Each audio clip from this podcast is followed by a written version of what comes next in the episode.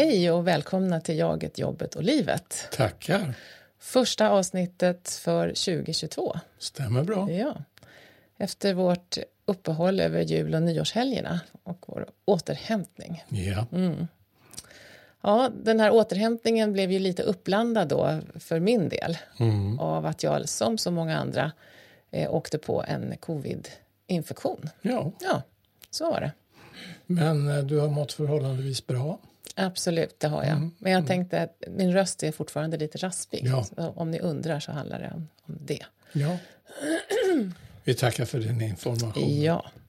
Vad ska vi prata om idag då? ja, vad ska vi prata om? Vi har ju spanat runt lite i, i vår omvärld under den här ledigheten och eh, konstaterat att det finns en massa områden som präglas av något av det vi, har, det vi nämnde vid vårt allra första avsnitt för ett år sedan, alltså det här med komplexitet. Mm.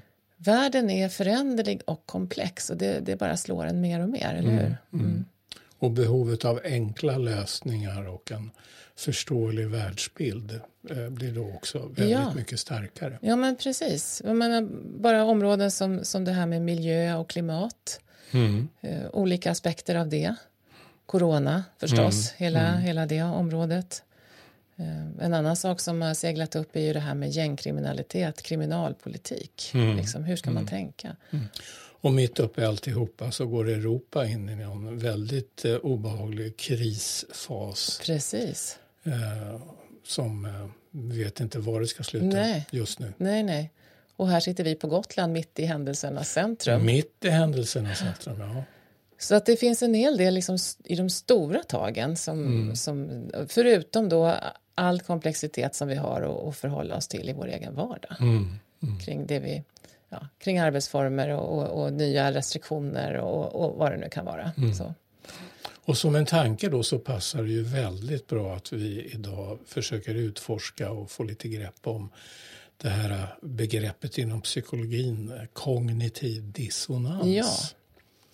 Som är någonting som de allra flesta av oss har upplevt på starkare sätt under de här åren, de senaste åren. Mm.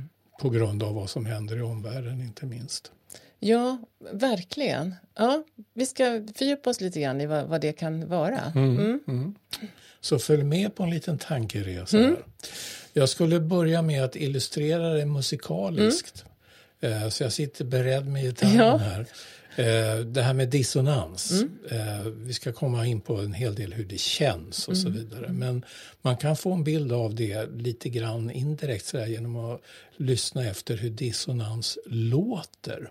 För dissonans är ju någonting som förekommer inom musikens värld naturligtvis. Och eh, jag ska helt enkelt bara börja med att slå ett rent harmoniskt ackord på gitarren. Lyssna noga nu. Harmoniskt, Ja, vänligt, trevligt, det hänger ihop. Det är ingenting som skorrar. Tar vi ett snarlikt ackord. Låter det också fint? ja det är lite mer skav i det. Det är mera skav i det. Ja. Eh, Man skulle på musikspråk kunna säga att det är falskt, helt enkelt. Och det här får åskådliggöra lite grann skillnaden mellan när vi inom oss känner harmoni, att våra tankar och känslor hänger ihop. Att vi är konsekventa, tänker logiskt. Då Ja, mår man sådär bra. ja härligt. Ja. Och sen när någonting händer som inte riktigt överensstämmer med våra åsikter eller världsbild eller vad det kan vara, då känns det inombords lite mer så här. Precis. Eh, jag plockar av med gitarren nu, men låter det vara autentiskt Mm. Ljud i bakgrunden så blir det... Nu trasslar jag in i hörlurarna också.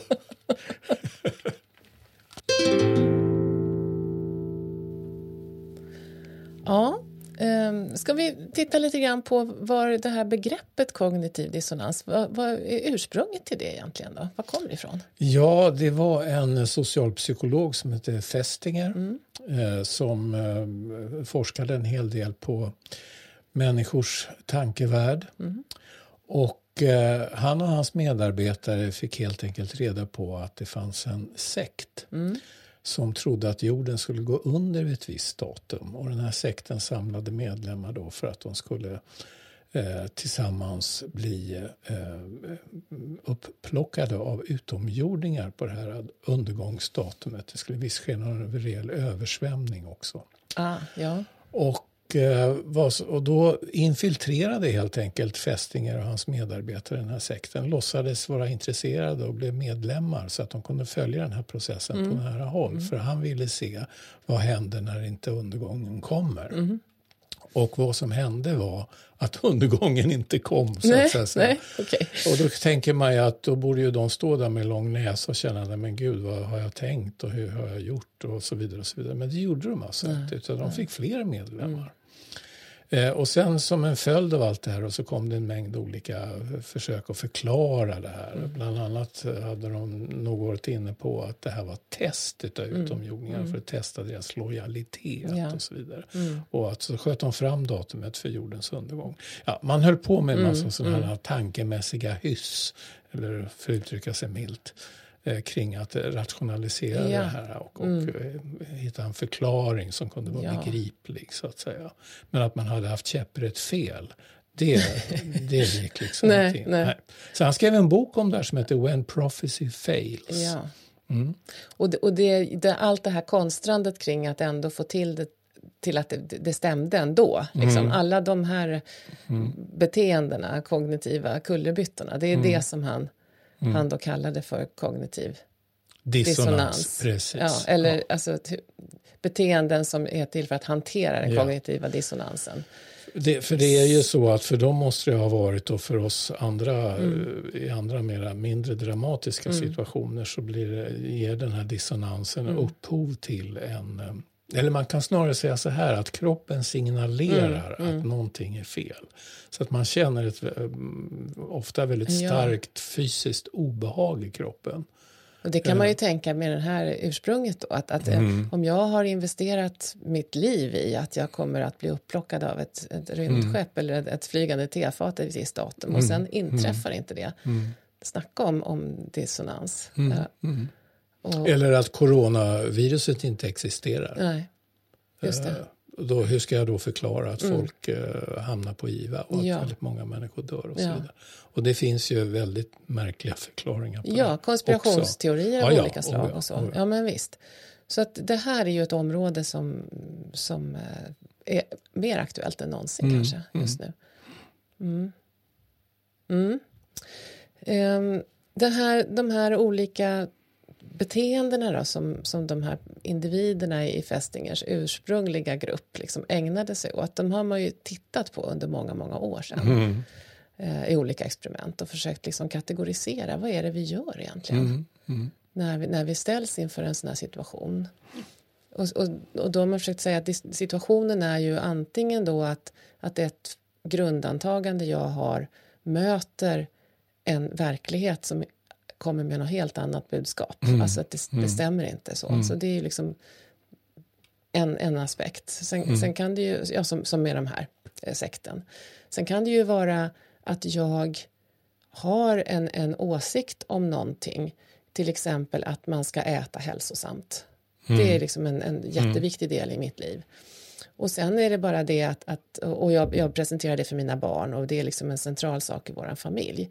Det är bara det att jag i köksskåpet också har några påsar med godis mm. som jag äter när barnen har lagt sig. Jag tänkte säga det, smygäter. Vem har inte gjort det? Mm. Precis. Och, och, det kan ju då ge upphov till en, en dissonans mm. mellan min, mitt, mitt grundförhållningssätt och mitt eget beteende mm. som ja. jag behöver förhålla mig till. Ja, mm. Jag har något traumatiskt minne som småbarnsförälder av att jag tror det är vår dotter som står i köket och frågar mig pappa, vad tuggar du på? Precis, tror jag många kan känna igen. Så det är en annan variant då. Mm. Och, och sen så finns det ju också att man ibland inom sig själv laborerar med lite som en, man är liksom kluven i det att man har faktiskt två olika tanke, mm. Mm. tankar som faktiskt inte, inte går ihop. Mm.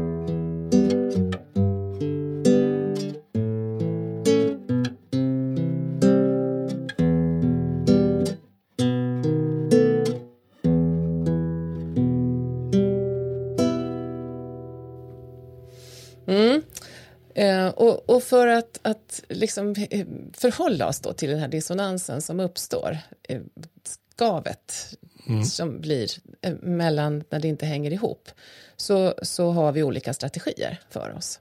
Och det här kan man ju systematisera på olika sätt, men, men ett sätt som är vanligt som man räknar med, det är fyra olika strategier som, som vi ägnar oss åt. Mm. Mm. Och det första det är då att ändra en, att vi har två olika tankar och vi ändrar en av tankarna. kan mm. man säga. Om, om vi då har ett exempel som vi kan följa genom de här fyra olika ja, då, ja. Så, så kan vi ha till exempel, säg att jag har ett kontorsarbete där jag sitter mycket, mm. Mm. som jag, jag trivs med mitt jobb, jag trivs att sitta där och, och jobba med, med min dator och, och, med mina utredningar och vad jag gör för någonting. Mm. Eh, och sen så kommer det då information om att det här att sitta är det nya röka. Ja, just det. det är superfarligt att sitta för mycket. Mm. Mm. Och om jag då konfronteras med det så, och, och, ändrar en av tankarna så är det ju ganska vanligt att jag ändrar den här nya tanken som kommer in. Det vill säga att jag, jag säger så här att eh, ja, det, det, där kommer in men det kan inte stämma. Så farligt kan det bara inte vara. Det verkar mm. ju helt mm. osannolikt att det skulle vara lika farligt som att röka. Mm. Det tror jag inte på helt enkelt. Jag håller fast vid min känsla och tanke av att det är, mm. jätte, det är mm. skönt och trevligt att sitta här på min mm. arbetsplats. Mm. Så att jag alltså tar bort den störande tanken som kommer in. Ja. Mm. Stänger av den. Eh, andra varianten det är ju då att jag istället tar till mig av det här och, och ändrar mitt beteende. Kanske mm. till till exempel då skaffar ett eh, sånt här höj och sänkbart skrivbord. Mm, mm. Eh, och börjar stå på jobbet. Mm, mm, och då är det inte så ovanligt när man går i den strategin att jag då blir en väldig förespråkare för det här. Ja, jag tänkte just ja. det. Det låter lite sådär Man får ett litet frälsarkomplex här, mm. att då ska alla stå. Mm. Och då i det här... Givak! och jag liksom för fram väldigt tydligt det här för, för att motivera min, min förändring av mm, mm. mitt tankesätt, så att säga, och mitt beteende. Men är det så att det fortfarande egentligen skulle skava inombords om man inte liksom verkligen gick in för det där då, så att det, det lägger sig som en hinna över Ja, jag måste liksom ta i lite grann ju, för att släppa mm, mitt första. Mm, mm. I, I, alternativ ett när jag ligger kvar i att göra som jag alltid har gjort, liksom, mm. då, det är mycket mer bekvämt. Ja. Här måste jag ta i lite grann för att ändra och då, mm. då är det ju ofta så att det kan slå över lite. Tredje alternativet då, det är att jag försöker få ihop allting. Alltså att jag har båda de här tankarna. Jag, ja. jag, jag sitter mycket på jobbet, det är inte bra att sitta, mm. att säga. men så lägger jag till, fast jag tränar ju så mycket på gym, jag går ju tre mm. gånger i veckan på gym. Mm. mm. Så får jag liksom ihop det. Mm. Mm. Och det blir ju en, en sorts kompensation. Liksom. Att, mm. att jag tänker att det där kompenserar. Mm. Det är ett sätt att rationalisera. Att jag mm. fortfarande gör som jag gör och ändå är medveten om det här som kommer. Men Mm. Och då gäller det också att undvika artiklar som kommer där professorer i näringslära och allt vad det är mm. säger att det spelar ingen roll att träna så där mycket. Det, har, det, det liksom, sitter det sen resten av tiden så, ja. så är inte det bra. Nej. Mm. Och då kanske jag ägnar mig åt punkt fyra här, att jag bagatelliserar eller förnekar saker, då kan jag ju mm. säga ja, ja, professorer, de kommer med det ena och det andra. Det är mm. hela tiden nya rön. Vad ska mm. man tro liksom, kring träning? Det går inte att hålla på och mm. växla fram och tillbaka sådär, utan jag håller mig till det. Jag har tränat på gym tre gånger i veckan under många år och det passar mig. Jag måste bara skjuta in det jag sa professor i näringslära. Det är väl kanske inte riktigt rätt område. Det är lite dissonans här i skallen. Eh, vi tar idrottsvetenskap eller någonting i den ja, stilen. Kan, kan någon som finnas, är kunnig. kan nog finnas någon i näringslära också. Ja, ja, ja. Jo, jo. Ja. Okay. ja. ja. Så att de här fyra strategierna, alltså att jag, att jag på olika sätt ändrar tankar eller beteende. Alltså jag ändrar, jag ändrar beteende, jag lägger till en ny tanke eller jag liksom bagatelliserar och mm, avfärdar. Mm, det, det, är liksom, varianter av det är det vi brukar pyssla med. Det är en slags försvar helt enkelt ja. mot den här obekvämligheten ja. i kroppen och sinnet. Ja, så då, mm. då, lägger det sig liksom till rätta igen. Mm, mm,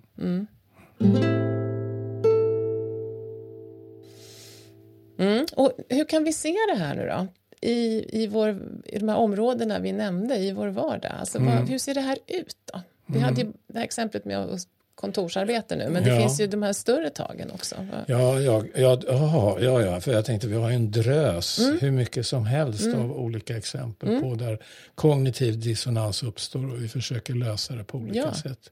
Ska vi ta Senaste några? som kom, Ja, det senaste som kom för bara ett par dagar sedan som gav både dig och mig upphov, eh, gav upphov till en viss dissonans i vår själs liv. Ja, Det var det här med rapporterna om rött kött Mm. och kopplingen till eh, eh, klimatet. Mm. Att eh, eh, mycket forskning tyder nu på att eh, det är bättre eh, på lång sikt Mm. att vi äter rött kött och griskött. Nötkött och gritkött. Gri, grit, griskött. Mm. Eh, därför att det har mindre påverkan på klimatet på lång sikt Mm. så att säga, än exempelvis kycklingkött. ja.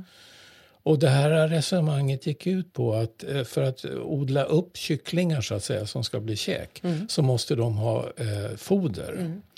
Och eh, då måste man använda stora arealer för att odla majs och vad det nu än är eh, för att kycklingarna ska få käk. Där man annars skulle kunna få odla mat till människor. Ja. Mm. Mm. Eh, så att de tär på ett annat sätt då. Mm. Och det där ger ifrån sig koldioxidutsläpp som ligger kvar i atmosfären i åtminstone tusen år. Kor däremot Mm. och grisar, de äter mat som vi inte äter. Korna äter gräs och grisarna äter väldigt mycket hushållsavfall och sånt Mm. där. Och eh, de ger ifrån sig då metan och det är ju någonting vi har lärt oss att metan är farligt. Mm.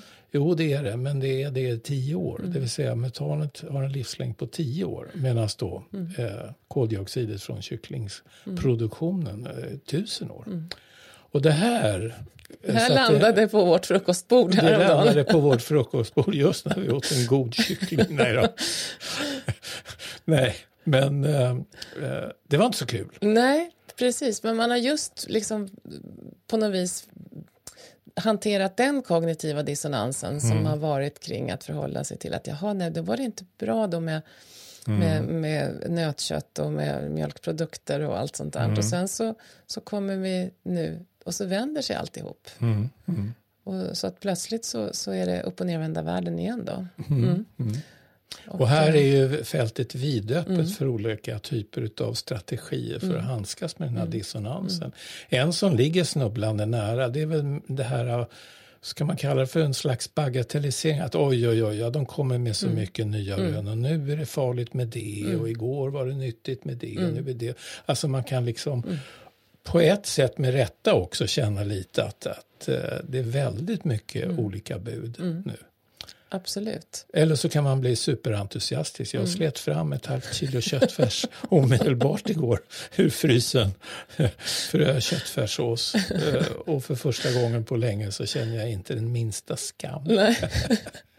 Utan jag stod och trallade vid spisen där. Ja, ja. Nej, men man, kan ju, man kan ju tänka att det här med, med liksom vad vi äter och, och, och, och olika menyer och dieter och sånt är ett, ett ganska liksom, ja, vardagligt område men det kan bli nog så laddat tycker jag man märker. Alltså vad, vad, vad folk fäster sig vid liksom, och hur, hur, hur man försanthåller det ena och det andra. Och när det nog kommer någonting som vänder saker och ting upp och ner så, så kan det bli, ta väldigt hårt. Och, och alla de här strategierna kan gå igång. Så säga. Mm. Om man ska hålla sig kvar lite grann på de här på ett sätt lite lustiga eller harmlösa exemplen så var det ju åtskilliga år sedan när vi bodde i studentlägenhet så hade vi en kompis som eh, gick på tekn Kungliga Tekniska Högskolan och skulle bli ingenjör. Och jag frågade honom en gång, Hörru, du, hur mycket vatten sparar man på att diska för hand istället för att använda en sån här förfärlig diskmaskin? Och då tittade han på mig som om jag kom från en annan planet. Och så sa han, men snälla du, diskmaskin är mycket bättre för miljön för det sparar enormt mycket vatten i jämförelse med om det står och handdiskar. Och det här blev ju en liten chock. Och sen berättade jag det för en annan kompis som jag har känt länge och som eh, diskar väldigt mycket för hand. Och hans reaktion var att Jaha, ja, nej, men jag tänker i alla fall fortsätta diska för hand för det känns bättre.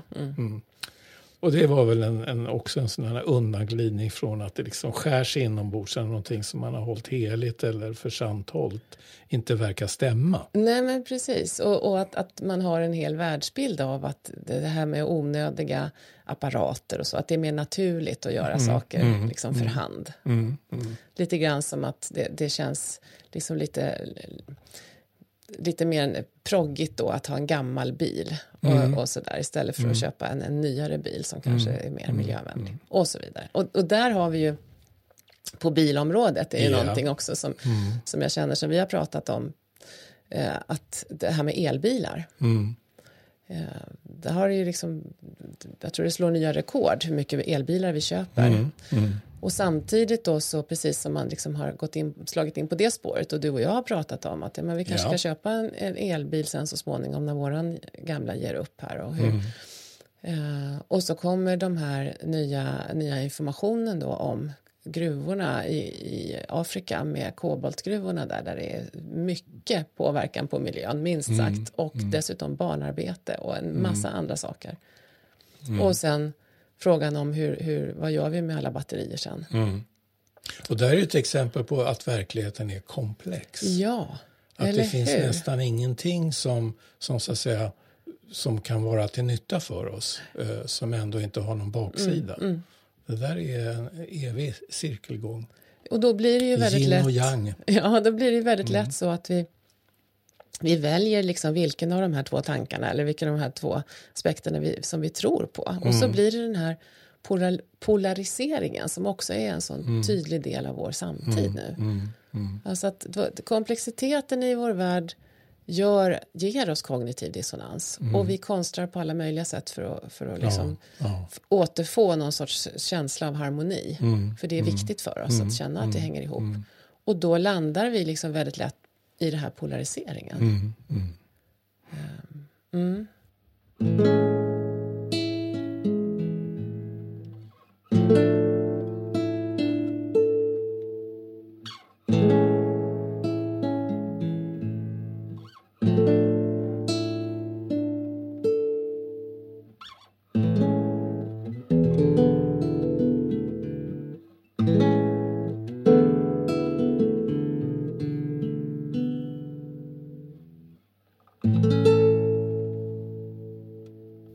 Vad som slår mig i det här det är också att eh, det som kanske är enklaste lösningen eller det som vi är duktigast på i det här mm.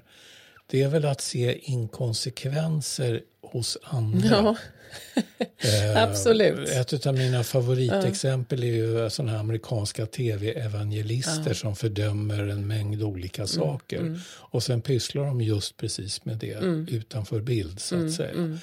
Mm. Och sen blir det konstiga processer mm. också när de avslöjas. Mm. Och mm. en del gör avbön mm. och, och så vidare. och så mm. vidare. Och deras anhängare måste ju uppleva en väldig eh, dissonansreaktion mm. inombords. Det här stämmer ju liksom inte. Man lever inte som man lär.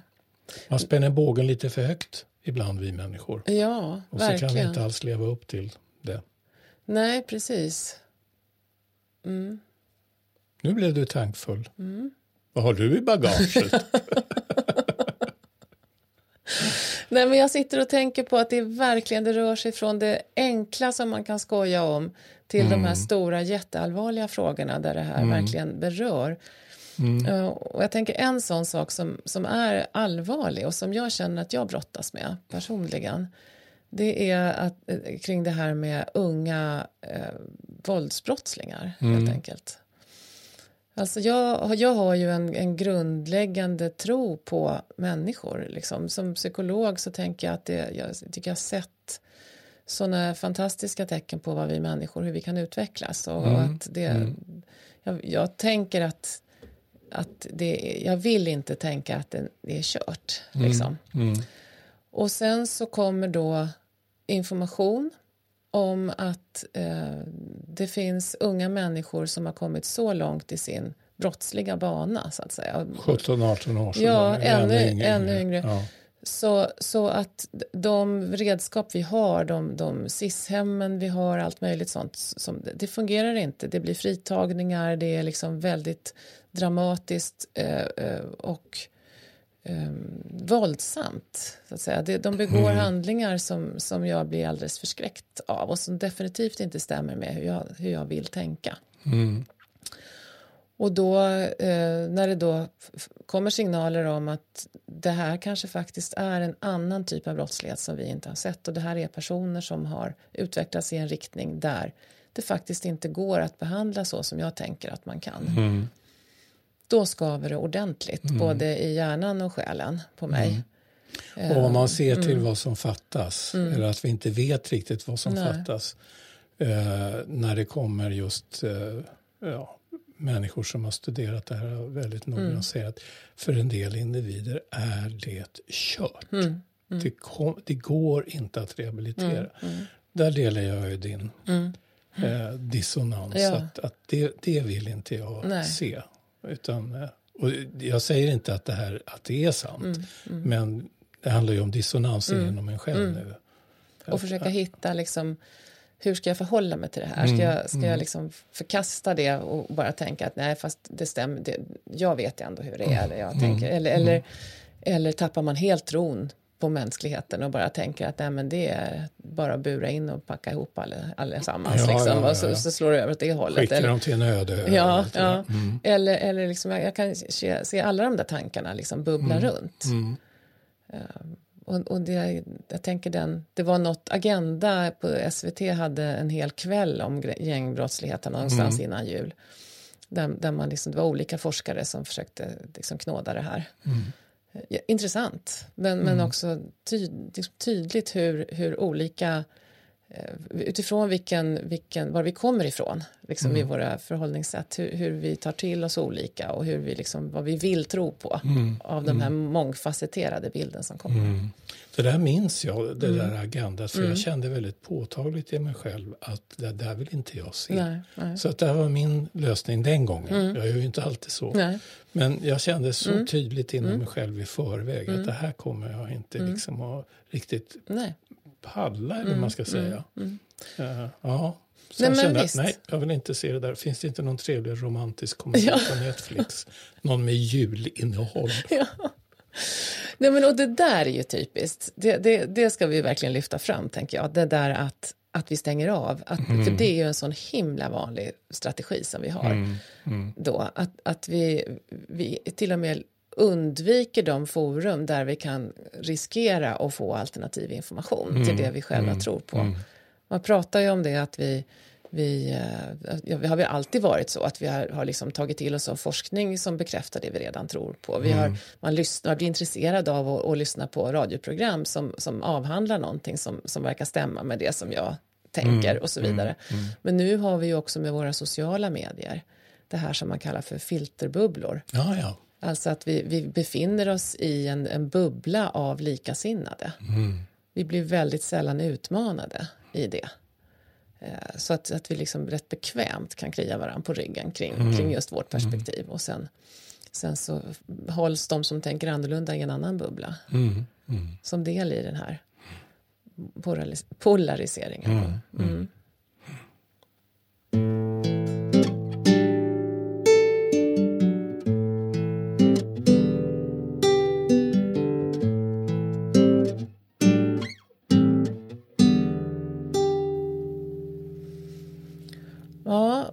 Apropå det här då med att, att vi gärna undviker sån information som inte stämmer med det vi själva tycker eller tänker då, då så kan man, eh, kan man koppla det till vad vi har pratat om tidigare med eh, systemteori och Ja, hur ja. den hjälper oss att förstå olika saker och ting. Då.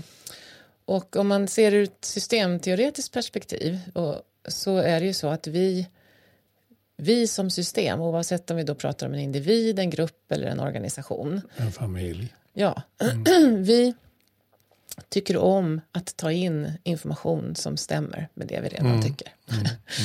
alltså vi, system öppnar sig för likhet. Ja. och vi stänger gärna öronen, vi stänger till och håller borta olikhet. Och det här eh, är liksom lite viktigt, jag tänker att det, det är en av grunderna till den här strategin runt kognitiv dissonans. Att det, det ligger nära till hands för oss att göra på det sättet. Vi vidmakthåller liksom stabilitet på det sättet. Samtidigt är det ju så att för att ett system ska utvecklas så, så behöver vi också få in olikhet. Mm. Annars så stagnerar det. Det har man ju sett många exempel på. Alltså det, det, det, här, det finns något som kallas för groupthink till mm. exempel där mm. alla personer i en grupp tycker samma och det kan leda en till galet felaktiga beslut mm. för vi tar inte in information som kommer på tvärs. Mm.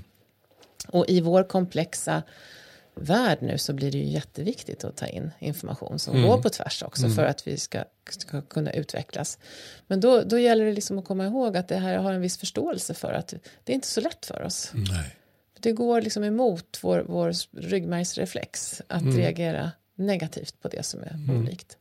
Man knyter an lite grann här också till hur vi, hur, hur vi är skapta, för mm. vilken typ av tillvaro vi är skapade. Mm så tror jag att för ett antal tusen år sedan så ställdes ju människor också inför olikheter. Mm, det kom, mm. hände saker i mm. omvärlden eller man upptäckte saker som var olikt. Mm. Men det var lagom mängd. Ja. Nu tack vare det moderna informationssamhället så haglar det mm, olikheter, mm, bokstavligt talat nästan.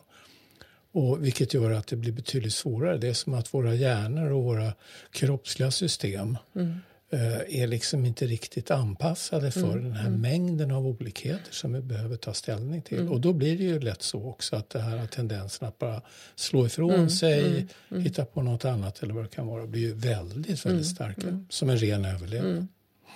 Nej, och, och, det är ju inte så att vi inte kan ta in olikhet utan det är ju lite grann det här att hitta hur, vad krävs då för att vi ska vara beredda att, att öppna upp lite grann och mm. ta in något som skaver lite? Då, då, då handlar ju det om att det får, vi tål olikhet som är lite olik. Mm variationer på det vi själva tänker. Eller mm, mm. någonting som... Åh, oh, vad det lät. Ja. eller någonting där det finns en brygga av likhet. Att vi känner att vi har en grund som vi står på mm. tillsammans med den personen som kommer med en annan åsikt ja. till exempel. Ja.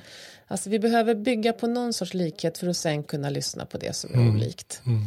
Och det här är ju någonting som eh, blir att, att kunna mer om det här och förstå hur, hur vi kan göra när vi ska ska liksom använda olikheter i mm. vårt komplexa samhälle mm. med, med alla förändringar som sker och, och, den mångfald som finns. och så. Hur ska, hur ska vi göra egentligen? Mm. Då tänker jag att det här är en jätteviktig aspekt att, att vara varse. Mm. Mm.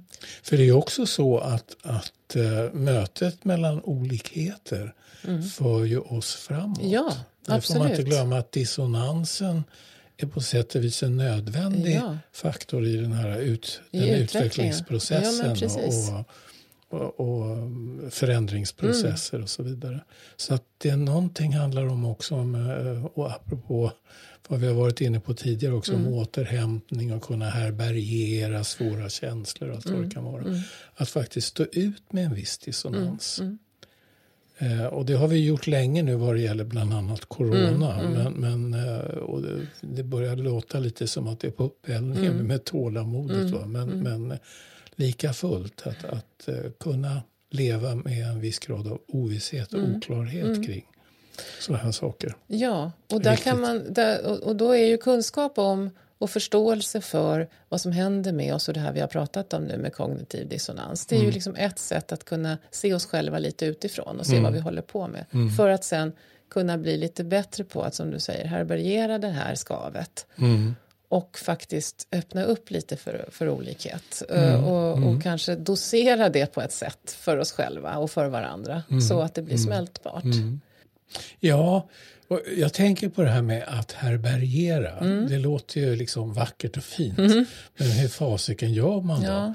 Mm. Och där kan man få stor hjälp av lite olika typer av mindfulness-tekniker eller övningar. Och en som jag i alla fall upptäckte väldigt bra det är att när man upplever det här fysiska obehaget, till exempel att det kommer av kognitiv dissonans, mm. Så finns det en metod att liksom bara slappna av lite axlarna och sen fokusera uppmärksamheten på just själva obehagskänslan mm. i kroppen. Mm. Inte försöka analysera eller tänka en massa saker kring det utan bara liksom vila i och uppmärksamma mm. den här obehagskänslan. Då har man tagit ett litet steg ja. på det här med mm. att härbärgera och kunna känna att man på ett sätt har lite kontroll över det här. Dissonansen Just. Mm. Ja, och man kan känna då att, att man faktiskt har plats i sin kropp för den Ja. här känslan. Ja, ja. Och att, eh, eh, att man inte krymper ihop runt den. För det är väl ofta det vi gör när det Mm. Blir ett obehag. Då liksom snörper vi ihop och då får den inte plats och då Nej. blir det outhärdligt på något Och den vis. kan också bli, precis, den blir starkare. Den blir irriterad för att man försöker Krympa ihop den, ja precis. Ja, ja. Men om man, om man medvetet i den här Mm. Fokuset också känner att jag ger plats inuti mig. Mm. Och det kan bli att den först känns lite intensivare för man kanske inte har varit så närgången med den där typen av obehagskänslor Nej, tidigare. Men ehm, mm, Ja. gradvis kan så vänjer man sig. pröva på. Ja. Men du, eh, vi ska ju fortsätta och kika på det här med olikheter, Ja. tänkte vi, nästa gång. Mm. Och eh, då har vi bjudit in en person som heter Ann-Katrin Roth. Mm. Och hon är jurist från början och hon har jobbat under många år just med det här med olikheter på olika vis eh, i- termer av jämställdhet, mångfald och inkludering. Mm. Och eh, vi tänkte prata med henne lite om hur läget är just nu idag Ja. kring de frågorna Precis. och vad man Det kan göra. kommer att bli jättespännande. Ja, ja så det, nästa avsnitt kommer om tre veckor. ja. Så tills dess, på återhörande. Arrivederci, höll jag. Arrivederci. ja, hej då. Hej då. Hej.